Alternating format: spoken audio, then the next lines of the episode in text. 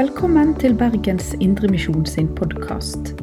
For mer informasjon om oss, besøk oss på betlehem.no, eller finn oss på Facebook og Instagram der som Bergens Indremisjon.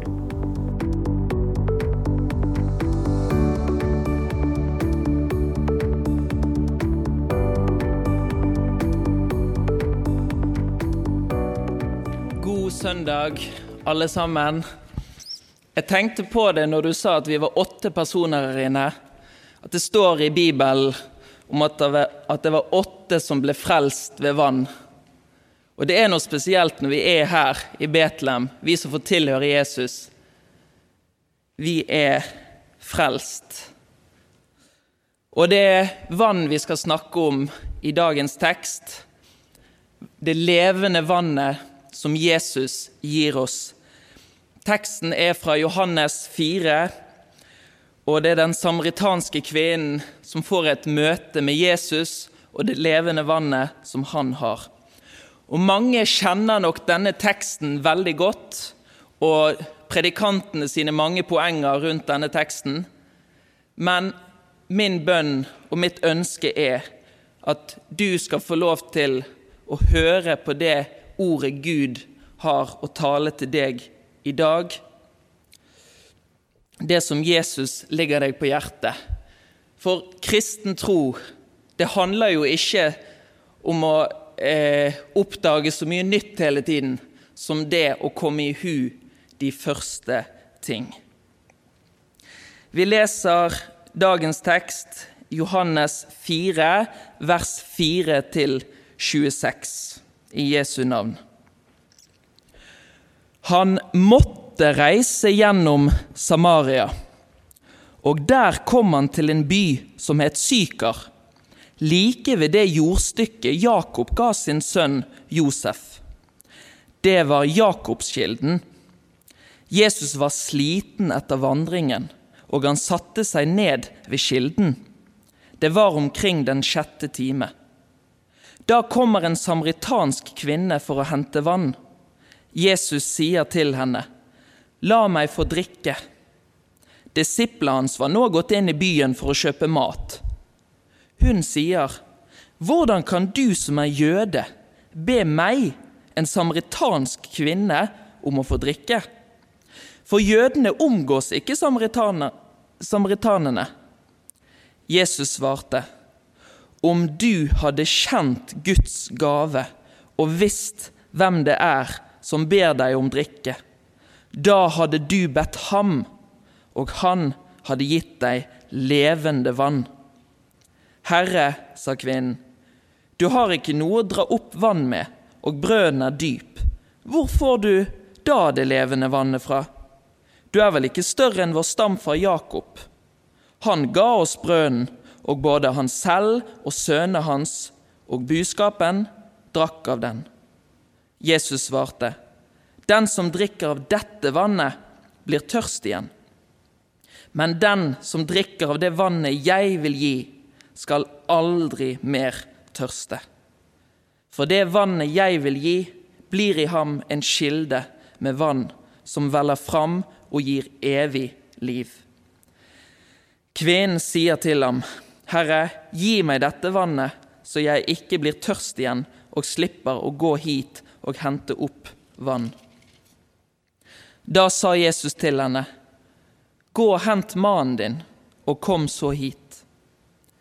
Jeg har ingen mann, svarte kvinnen.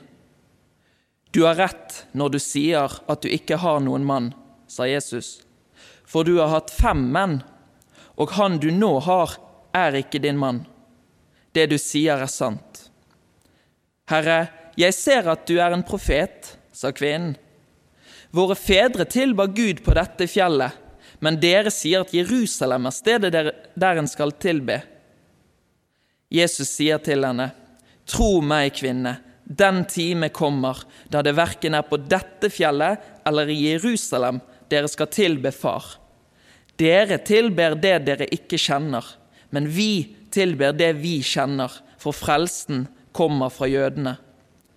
Men den time kommer, ja, den er nå, da de sanne tilbedere skal tilbe Far i ånd og sannhet.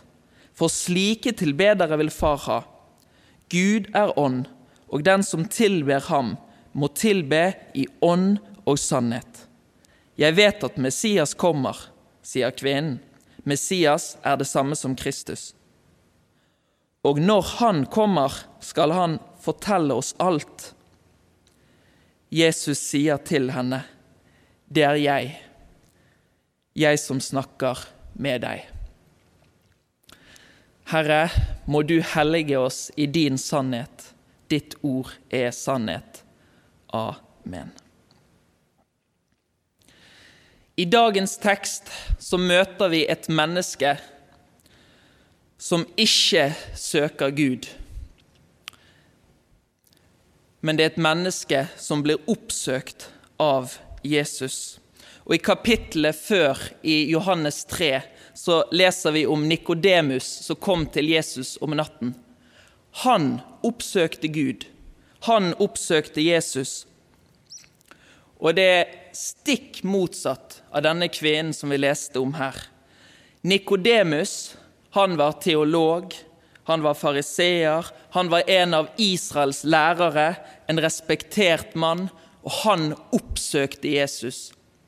Denne kvinnen fra Samaria var utstøtt, en, levde et horeliv, og hun oppsøkte ikke folk, og i hvert fall ikke Jesus.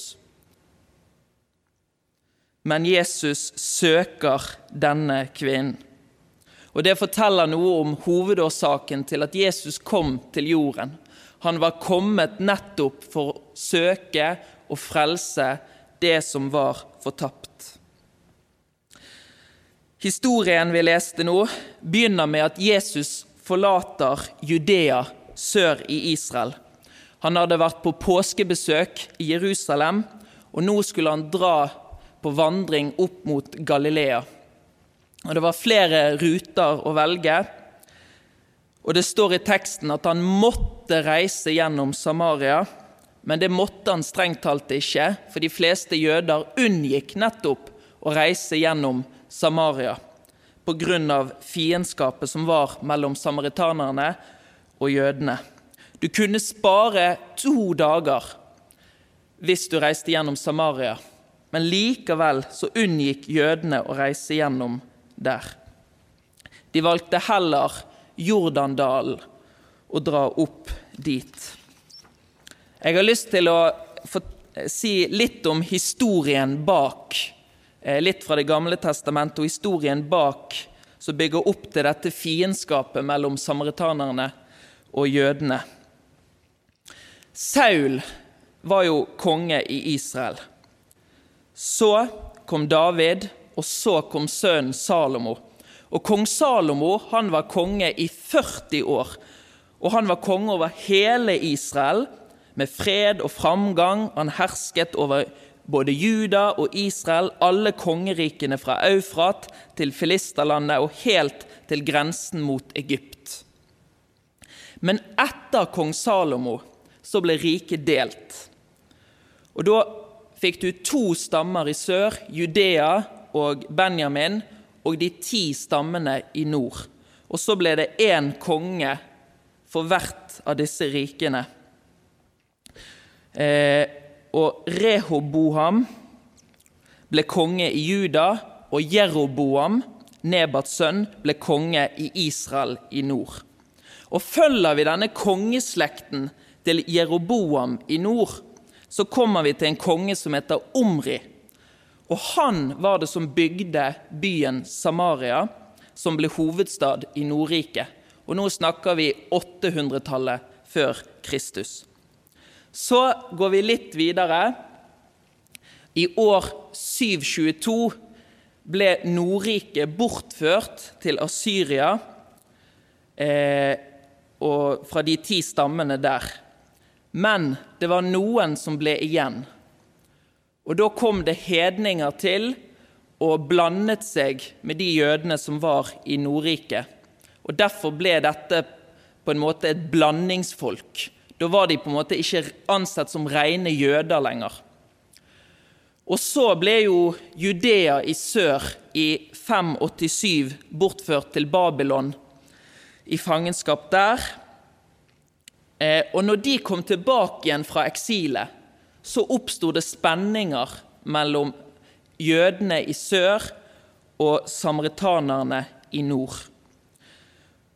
Og vi leser om historien at litt over 100 år før Jesu tid så hadde jødene vært oppe og angrepet eh, tempelet til eh, samaritanerne og ødelagt det på fjellet Garisim. Og noen år før Jesus står fram som Messias, så hadde samaritanerne, noen samaritanerne vært og spredd dødningbein rundt om i tempelet i Jerusalem og gjort det ureint. Og Dette sier noe om forholdet mellom disse to folkene. Det var ganske anspent, og de ville ikke snakke med hverandre. Og bare det for en jøde å kjøpe mat hos en samaritaner ville de nok kanskje ikke gjøre. Men det hører vi om at disiplene skulle gjøre. De skulle gå inn og kjøpe mat. Jesus måtte reise gjennom Samaria. Jødene unngikk det. Men det er typisk Jesus. Han bryr seg ikke om disse kulturelle tradisjonene og overleveringene som var. F.eks. med sabbaten.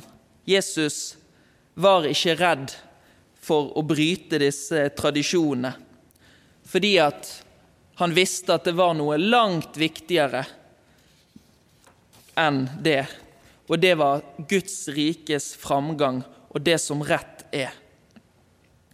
Og når Jesus måtte dra gjennom Samaria, så var det i Guds plan, i Faderens plan med å sende Jesus, så måtte han dra der, for det var en samaritansk kvinne som ventet. Jesus var opptatt av å frelse samaritanerne. Og, og Jesus sier jo rett før han drar opp til himmelen i apostelgjerningene 1.: Og dere skal være mine vitner i Jerusalem, men ikke bare i Jerusalem, og hele Judea, i Samaria og helt til jordens ende. Det brydde Jesus seg om. Og når Jesus kom fram til brønnen, så var han sliten og tørst etter vandringen. Og de var ute og gikk eh, på den sjette timen, og det er klokken tolv når solen står på sitt høyeste. Og det var jo ikke vanlig at kvinnene kom for å hente vann på den tiden. Det var helst om morgenen eller om kvelden, og gjerne for å høre nytt. Og da kan vi tenke oss at denne kvinnen kommer til brønnen når solen står på sitt høyeste, nettopp for å ikke møte skammen, møte disse kvinnene som kommer med de skeive blikkene pga. livet hun levde. Nettopp da kommer Jesus og treffer henne. Hun hadde en fortid og et rykte som tynget. Hun kommer mutters alene. Hun hadde ikke forventet å møte noen. Og der sitter det en person. Og ikke bare en person, men det sitter en mann. Og ikke bare en mann, men det sitter en jøde. Og Jesus snakker til henne til og med.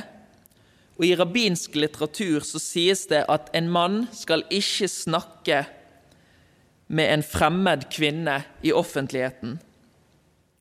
Og jøder snakket jo iallfall ikke med samaritanerne i det hele tatt. Så det er en stor overraskelse at Jesus taler til denne kvinnen. Ikke bare at han var jøde, at han var mann, men òg at hun var utstøtt. Det livet hun levde. Jesus sier, 'La meg få drikke'. For Jesus hadde en agenda som var mye viktigere enn alle disse tradisjonene og hva som var rett å gjøre og ikke. For Guds rike, det vil sprenge seg på. Guds rike vil nå ut til alle mennesker. Hvor ofte møter ikke Jesus sånne som var utstøtt? Kvinnen som var grepet i ekteskapsbrudd. Sakkeus ved morbærtreet. Synderinnen i Simons hus, den spedalske mannen som ingen ville røre seg, som ingen ville nærme seg. Jesus ser de, han oppreiser de og gir de nytt liv. Din tro har frelst deg, gå i fred. Guds rike er et annerledes rike. Her er det ikke forskjell på folk. Om du ligger i rennesteinen, eller om du er en konge som bor i et slott. Kvinnen fra Samaria spør undrende hvordan Jesus som er jøde, kan spørre, spørre hun som er kvinne. Men Jesus svarer ikke på det engang. Men han snur alt på hodet. Og så tar han det dagligdagse og får det inn på det evige, på Guds rikes hemmeligheter, om det levende vannet. Og En parallell til dette som jeg har tenkt på, er jo når Jesus skal bli døpt av Johannes, døperen, i Jordan. Og så er det jo egentlig rekkefølge snudd på hodet. For Johannes sier, 'Jeg trenger å bli døpt av deg, og så kommer du til meg'. Det var jo Johannes som hadde trengt å bli døpt av Jesus. Men så er det Jesus som kommer og spør om å bli døpt. Her spør Jesus etter drikke, men det er jo Jesus som virkelig kan gi det levende vannet. De satt ved Jakobsbrønnen, og den var kjent for å gi friskt og godt vann. Kanskje dette er en parallell til det levende vannet som kommer sigende inn i brønnen. Den var 32 meter dyp. Og jeg husker når jeg besøkte Israel i 2013 med NLA, så var vi rundt på ulike sånne arkeologiske steder. Og da eh, så vi på disse gamle jødiske renselsesbadene. Eh, og det var kanskje en forløper til dåpen i eh, overgangen mellom GT og NT. Men det som var med disse renselsesbadene, det var at det skulle bli fylt opp med levende vann. Det skulle ikke bli øst opp av mennesker, men det skulle komme ovenifra, fra himmelen. Det er det levende vannet. Og Jesus sier i kapittel 7 i Johannes.: Den som tror på meg, fra hans indre skal det, som Skriften sier, renne elver av levende vann. Og det levende vannet er gratis. Det er Guds gave. Kjente du Guds gave? Om kvinnen fra Samaria hadde kjent Guds gave og visste hvem det var hun snakket med, så hadde hun bedt han, og så er det han gitt det levende vannet. Ikke noe som er øst opp av meg eller mennesker, men en kilde utenifra. Og vi synger i sangen Vi rekker våre hender fram som tomme skåler. Kom til oss, Gud, og gi oss liv fra kilder utenfor oss selv. Det er noe som renner og renner som en nåde, som på stadig nytt gir friskt vann. Frisk nåde som alltid kommer. I Jesaja 12 så leser vi med glede skal dere øse vann av frelsens kilder. Men så er jo dette levende vannet det er jo hentet litt fra gammeltestamentlig terminologi. I Jeremia der står det en litt mer alvorstynget ord. I Jeremia 2,13 så står det For to onde ting har folket mitt gjort. De har forlatt meg kilden med levende vann, og hugget seg brønner, sprukne brønner, som ikke holder vann. Og her er det Herren sjøl som er kilden med levende vann. Og så prøver vi mennesker å lage oss egne brønner, men de er sprukne. De holder ikke vann. Og jeg har tenkt på hvor mye i dag er det ikke som ikke holder vann? Hvor mye i dag er det som aldri vil slukke tørsten vår? vi mennesker som lever i Norge, hva søker vi etter? Hva søker vi å fylle livet vårt med? Reklamene på TV sier at 'du må ha dette, da blir du lykkelig'. Hvis du får dette, så skaper det et inntrykk av 'da blir livet komplett'. Og noen søker kanskje å slukke tørsten med et pent og pyntelig liv, mens andre ligger i rennesteinen og ikke har det så godt ytre sett. Men uansett hva vi prøver å fylle livet med, hvis ikke Herren får gi det levende vannet, så er vi fattige. Det levende vannet veller fram og gir evig liv. Dette er noe som slukker tørsten som bor i et menneske. Augustin han formulerer det sånn Du, Herre, har skapt meg, og mitt hjerte er urolig inntil det finner hvile hos deg. Og jeg tror at et menneske bare kan finne hvile hos sin skaper. En finner aldri hvile før en finner det levende vannet. Kvinnen fra Samaria lurer på hvordan Jesus kan gi vann, han som ikke har et redskap. Fortsatt så forstår hun ikke. Og i vers 16 står det Da sa Jesus til henne, Gå og hent mannen din, og kom så hit. Jesus må sette fingeren på det som er verkebyllen i livet hennes. Jesus må rette søkelyset på synden, om de mange menn som hun har hatt i livet. Og så må kvinnen erkjenne at Jesus taler på Guds vegne. Kvinnen ble stilt på Guds vekt. Og Det står jo i Gamle testamentet 'veiet, veiet og funnet for lett. Synden må komme opp i dagen, opp i lyset, og synden stikker så mye dypere enn vi tror. Men Jesus trengte ikke å si så mye før kvinnen sin egen samvittighet tok over og ordnet resten.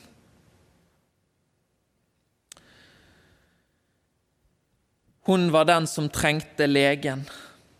Og Jesus sier i Lukasevangeliet og i Markus, men Jesus svarte dem, det er ikke de friske som trenger lege, men de syke. Og vi går jo ikke til legen hvis vi er friske, men bare når vi er syke. Og når Guds lov får lov til å bringe synden fram i lyset, da blir nådens ord tatt på alvor og nødvendig for et menneske. Da trenger jeg det levende vannet som kan slukke tørsten. Herre, jeg ser at du er en profet, sa kvinnen. Våre fedre, fedre tilba Gud på dette fjellet, men dere sier at Jerusalem er stedet der en skal tilbe. Jesus sier til henne, Tro meg, kvinne, den time kommer da det verken er på dette fjellet eller i Jerusalem dere skal tilbe Far. Jødene tilba Jerusalem, og samaritanerne hadde tilbedt på fjellet Garisim. Men det som er Jesus sitt poeng, det er at Faderen vil ikke ha tilbedere der det er knyttet til sted eller religiøse ritualer for det er ikke Gud opptatt av. Sann tilbedelse er ikke knyttet til noen plass. Det er ikke knyttet til hvem du er som person, om du er jøde, om du er samaritan, eller om du er hedning. Når Jesus kommer med den nye pakt, så er evangeliet for alle. Det spres rundt i hele verden, selv om det har vært glimt av evangeliet til hedninger i Gamle testamentet òg. Fordi det handler om hjertet. Sann tilbedelse kommer fra hjertet, om du ligger i rennesteinen, eller om du lever et pent og pyntelig liv. De sanne tilbederne var det Gud, Faderen, ville ha, som tilba i ånd og sannhet. Jesus sier jo en plass Han snakker om de som ærer Gud med leppene, men som har et hjerte som er langt borte. Og nå ser vi at kvinnen får oppdager hvem Jesus er. Hun ser iallfall noe, at Jesus visste noe om det livet hun levde. Hun sier at 'du må være en profet'. Jeg, ser at du er en profet. Og så begynner det å gå opp for henne.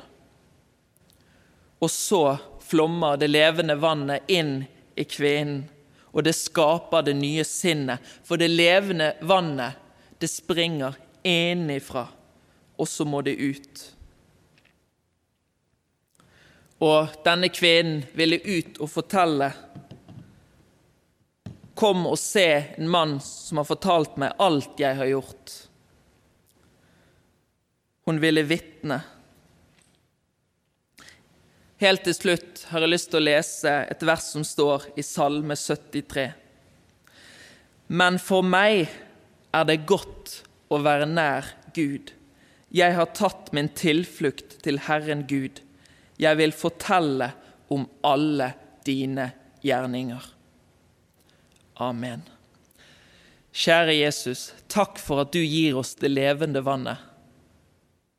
Og det er det eneste som kan stille tørsten, virkelig stille tørsten til et menneske. Og det er det eneste som kan gi oss det evige livet. Og dette gis som gave. Og alle som tørster, skal få komme og få det helt gratis. Og du tilbyr dette levende vannet i dag. Måtte vi frimodig dele med mennesker rundt oss. Måtte vi aller først ha dette levende vannet i oss, så det veller fram, så folk merker at vi er fylt med dette vannet. Og sånn at andre kan få ta del i det. Og, og misjonsoppdraget er at vi skal gå ut til hele verden og dele evangeliet. Takk, Herre, for din gave. Amen. Du har lytta til Bergens Indremisjon sin podkast. For mer informasjon om oss, besøk oss på betlehem.no, eller finn oss på Facebook og Instagram der som Bergens Indremisjon.